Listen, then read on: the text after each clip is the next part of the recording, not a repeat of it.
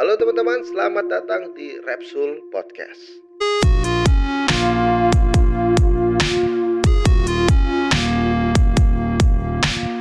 Assalamualaikum warahmatullahi wabarakatuh. Selamat datang teman-teman. Selamat datang di Repsul bersama gue Dejidat Di video kali ini gue akan ngebahas tentang masalah harga dari game untuk next gen.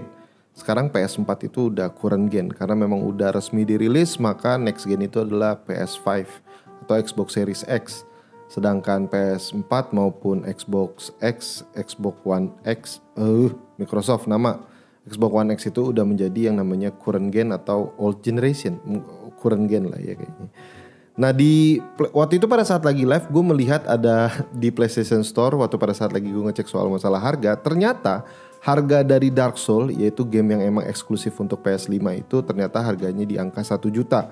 Bisa dibilang mungkin harganya setara dengan harga 70 dolar. Dan ternyata nggak itu doang, gue lihat juga COD Cold War ternyata juga harganya 1 juta. Ini versi digitalnya.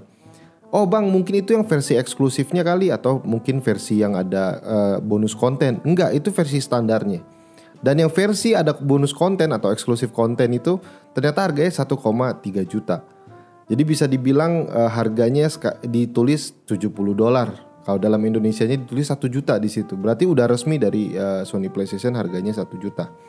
Walaupun memang ada beberapa yang enggak Tapi sebelum kita lihat beberapa contoh yang free upgrade ternyata di COD dari Cold War itu ada tulisannya ada dua pilihan gitu.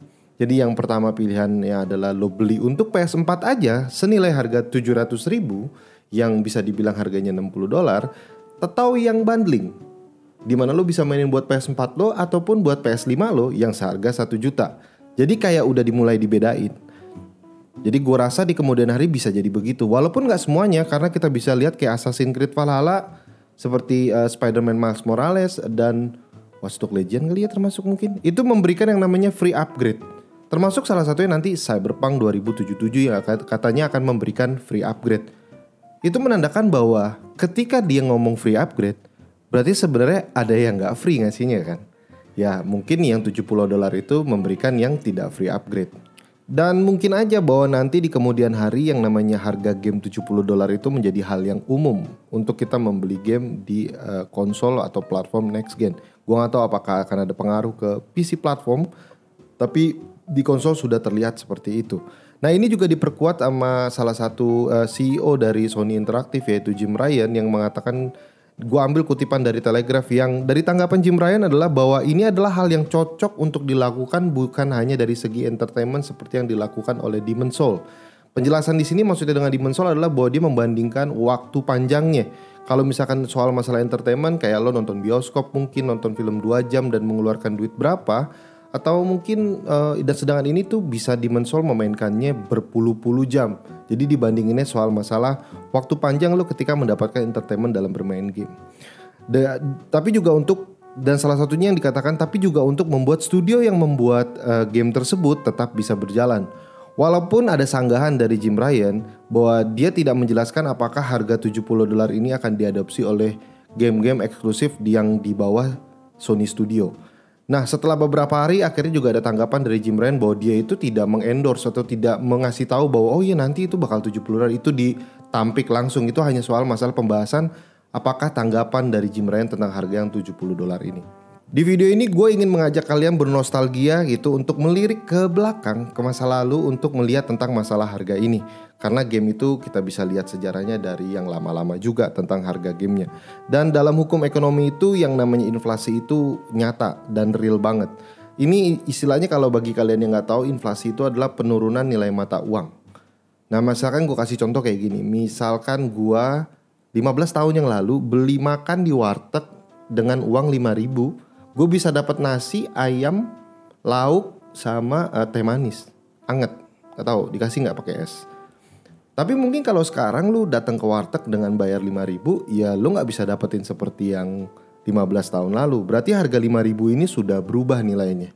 Sudah lebih turun dibandingkan 15 tahun yang lalu. Nah, apakah itu memang juga terjadi di dunia game? Mari kita lihat dan kita bandingkan dari generasi per generasi bagaimana harga dari sebuah game. Gua akan bahas di sini sebuah game tidak konsolnya tapi hanya gamenya aja dan bagaimana perkembangan mereka dari tahun ke tahun dengan perbandingan uh, harganya. Kita akan balik mulai dari generasi-generasi awal. Gue mengambil data dari techraptor.net di mana Atari konsol uh, adalah sebuah game rumahan yang dirilis tahun 1977. Gue akan mulai dari Atari dan pada saat peluncurannya di harga kurang lebih 200 dolar di masa itu.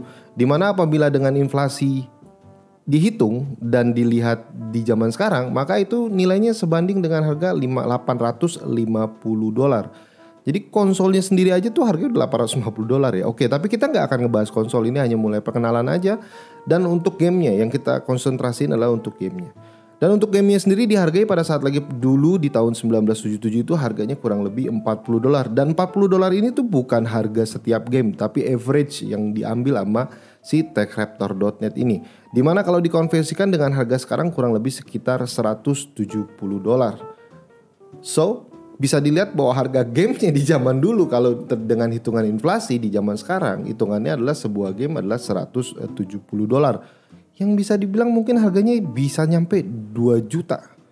Mahal juga ya. Tapi memang di zaman Atari 2600 itu yang namanya game itu memang masih bisa dibilang adalah hobi yang mahal. Makanya mungkin banyak pada zaman itu lebih banyak main ke arcade, naruh duit sedolar sedolar gitu. Kalau di kita gope gope gope gitu ya kayaknya atau seribu atau cepet jangan-jangan zaman dulu dibandingkan kita punya gamenya di rumah karena memang namanya perangkatnya itu mahal. Eh, dan bagi kalian yang ingin membaca lebih lengkap lagi soal masalah datanya, gue akan taruh deskripsi di bawah karena di sini gue akan akan menyimpulkan aja dari pembahasan yang ada dan gue akan mengambil beberapa contoh dari beberapa generasi dan kita akan bandingkan bagaimana fluktuatif atau perubahan harga dari generasi per generasi. Kita akan mulai dari generasi yang disebutnya generasi NES karena gue rasa setelah yang namanya Atari terjadinya crash game di situ, yang namanya dunia game itu sempat stagnan dan akhirnya alhamdulillah dengan adanya NES dunia yang namanya dunia konsol itu atau dunia game hidup kembali. Dan memang NES waktu itu ngerajain bener-bener gila. Nah harga konsol dari NES itu eh, kurang lebih waktu itu diluncurkan 180. Tapi gue ngomongin tentang game lagi. Bahwa harga game pada saat diluncurkan kurang lebih harganya sekitar 45 dolar atau setara dengan 108 dolar. Di zaman itu 45 dolar setara dengan 108 dolar. Berarti harganya masih di angka 1,3 jutaan mungkin. Di generasi selanjutnya adalah generasi SNES dan uh, Sega Genesis. Gue ambil contoh yang ini karena memang mereka berdua berantem kuat banget di masanya. Nah kalau kita lihat dari SNES, gamenya itu waktu pada saat itu average-nya kurang lebih sekitar 60 dolar atau setara dengan 118 dolar. Berarti lebih mahal dari generasi NES ya, kurang lebih. Ya dan dari Sega itu harga gamenya kurang lebih rata-rata 50 dolar atau setara dengan 104 dolar. Wah Bang, Sega jauh lebih murah dong. Ada perbedaan 10 dolar di masa itu. Perbedaannya hampir berapa nih? 14 dolar. Tapi nggak gitu juga karena ini average. Ada beberapa game Sega juga yang harganya juga tetap uh, sama mahalnya dengan Nintendo. Salah satunya adalah Barnacle 2. Dan gue pikir pada saat itu karena Nintendo itu memegang game yang cukup eksklusif ya kayak sebelumnya generasi NES udah berhasil banget dan akhirnya di SNES juga mengeluarkan beberapa game yang menarik kayak model Mario Kart gitu ya. Jadi terus ada juga tetap ada Zelda, Super Mario yang diperbaiki, yang dikembangkan juga. Jadi harganya sendiri dijual uh, cukup lumayan mahal. Jadi bisa dilihat dari dua generasi dari NES maupun pindah ke SNES dan uh, Sega Genesis, harga game di sini apabila dibandingkan dengan sekarang pun masih jauh lebih mahal pada saat itu. Jadi sekarang kalau bisa dibilang harganya standarnya 60 dolar, pada saat itu harganya kurang lebih masih di angka 100 eh, dolar lebih. Selanjutnya kita akan lihat dari generasi PS1 dan juga Nintendo 64. Kalau kita lihat di Nintendo 64, gamenya itu dihargai average-nya adalah kurang lebih 50 dolar dengan setara dengan 82 dolar. Dan di PS1 gamenya itu 50 dolar setara dengan 85 dolar. Kita bisa lihat bahwa dari sini aja udah mulai ada penurunan dari seri sebelah dari generasi sebelumnya yang harganya masih ratusan dolar sekarang udah turun ke 80 dolaran kalau dihitung secara inflasi. Nah abis itu generasi setelah itu gue akan ambil langsung 4 konsol dari PS2, Sega Dreamcast, GameCube, dan Xbox. Dari PS2 sendiri harganya 50 dolar setara dengan 75 dolar. Dari Sega Dreamcast gamenya harganya 50 dolar setara dengan 78 dolar. Dari GameCube gamenya setara dengan 50 dolar setara dengan 73 dolar. Dari Xbox 50 dolar setara dengan 73 dolar.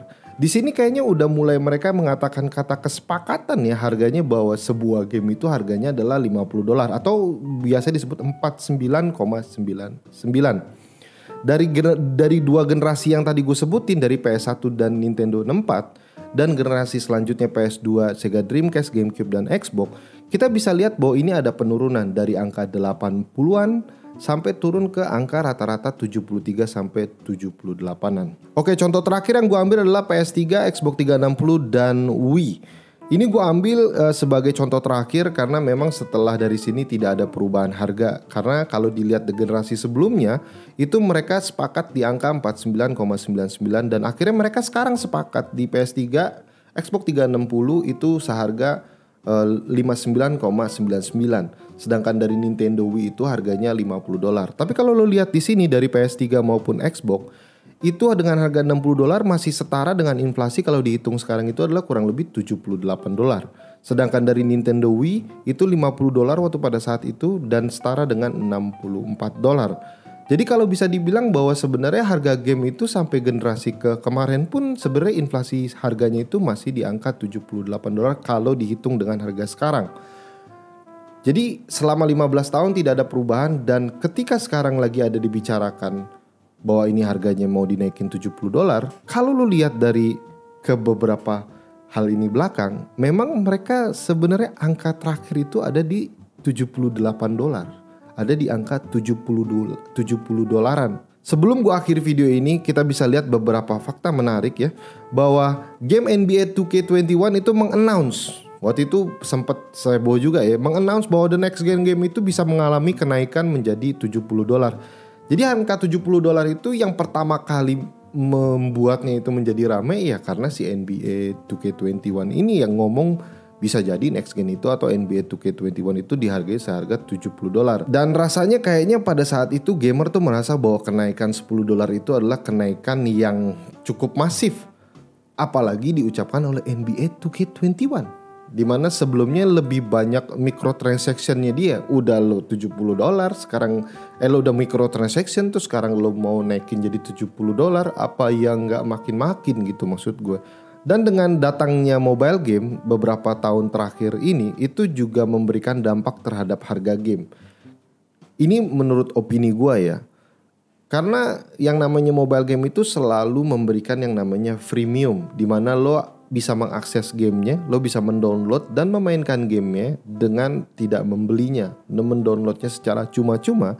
Cuman di dalam in gamenya itu lo bisa membeli sesuatu untuk membuat permainan lo jauh lebih keren, mungkin jauh lebih mudah dan yang lain-lain bisa kayak beli gacha, bisa uh, beli uh, diamond, bisa beli skin dan pokoknya yang kayak begitu-begituan.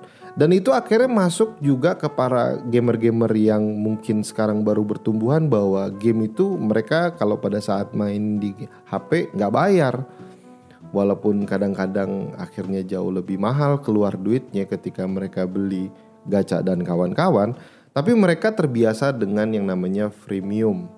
Jadi akhirnya mungkin menurut gue si para game-game dari generasi konsol maupun PC itu jadi kayak ngestak karena kalau dinaikin game mobile aja gratis gitu loh. Kalau naikin gitu.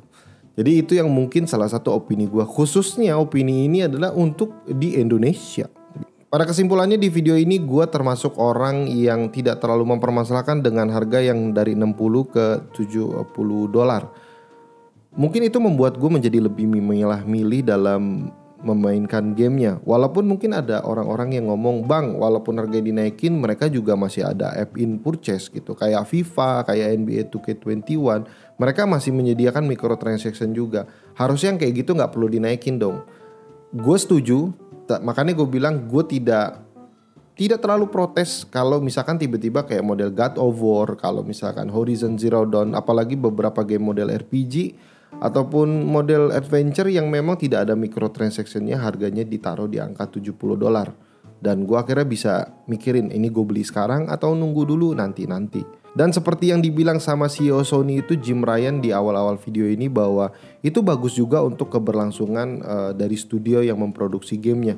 Karena kalau kita lihat memang akhir-akhir ini bisa dibilang beberapa tahun terakhir ini cost yang namanya membuat game itu apalagi khususnya game-game AAA itu costnya tinggi-tinggi banget. Bahkan dibilang ada yang bilang average-nya itu angka dari 20 sampai 50 juta. Padahal kalau dilihat beberapa game AAA itu bahkan di atas 50 juta dolar. Nah, kalau menurut kalian apa tanggapan kalian tentang misalkan kalau memang nanti benar-benar yang namanya 60 dolar ini distandarkan menjadi 70 dolar. Nah menurut pendapat kalian gimana? Kalian bisa tulis komentar di bawah. And I'll see you in the next videos and bye bye.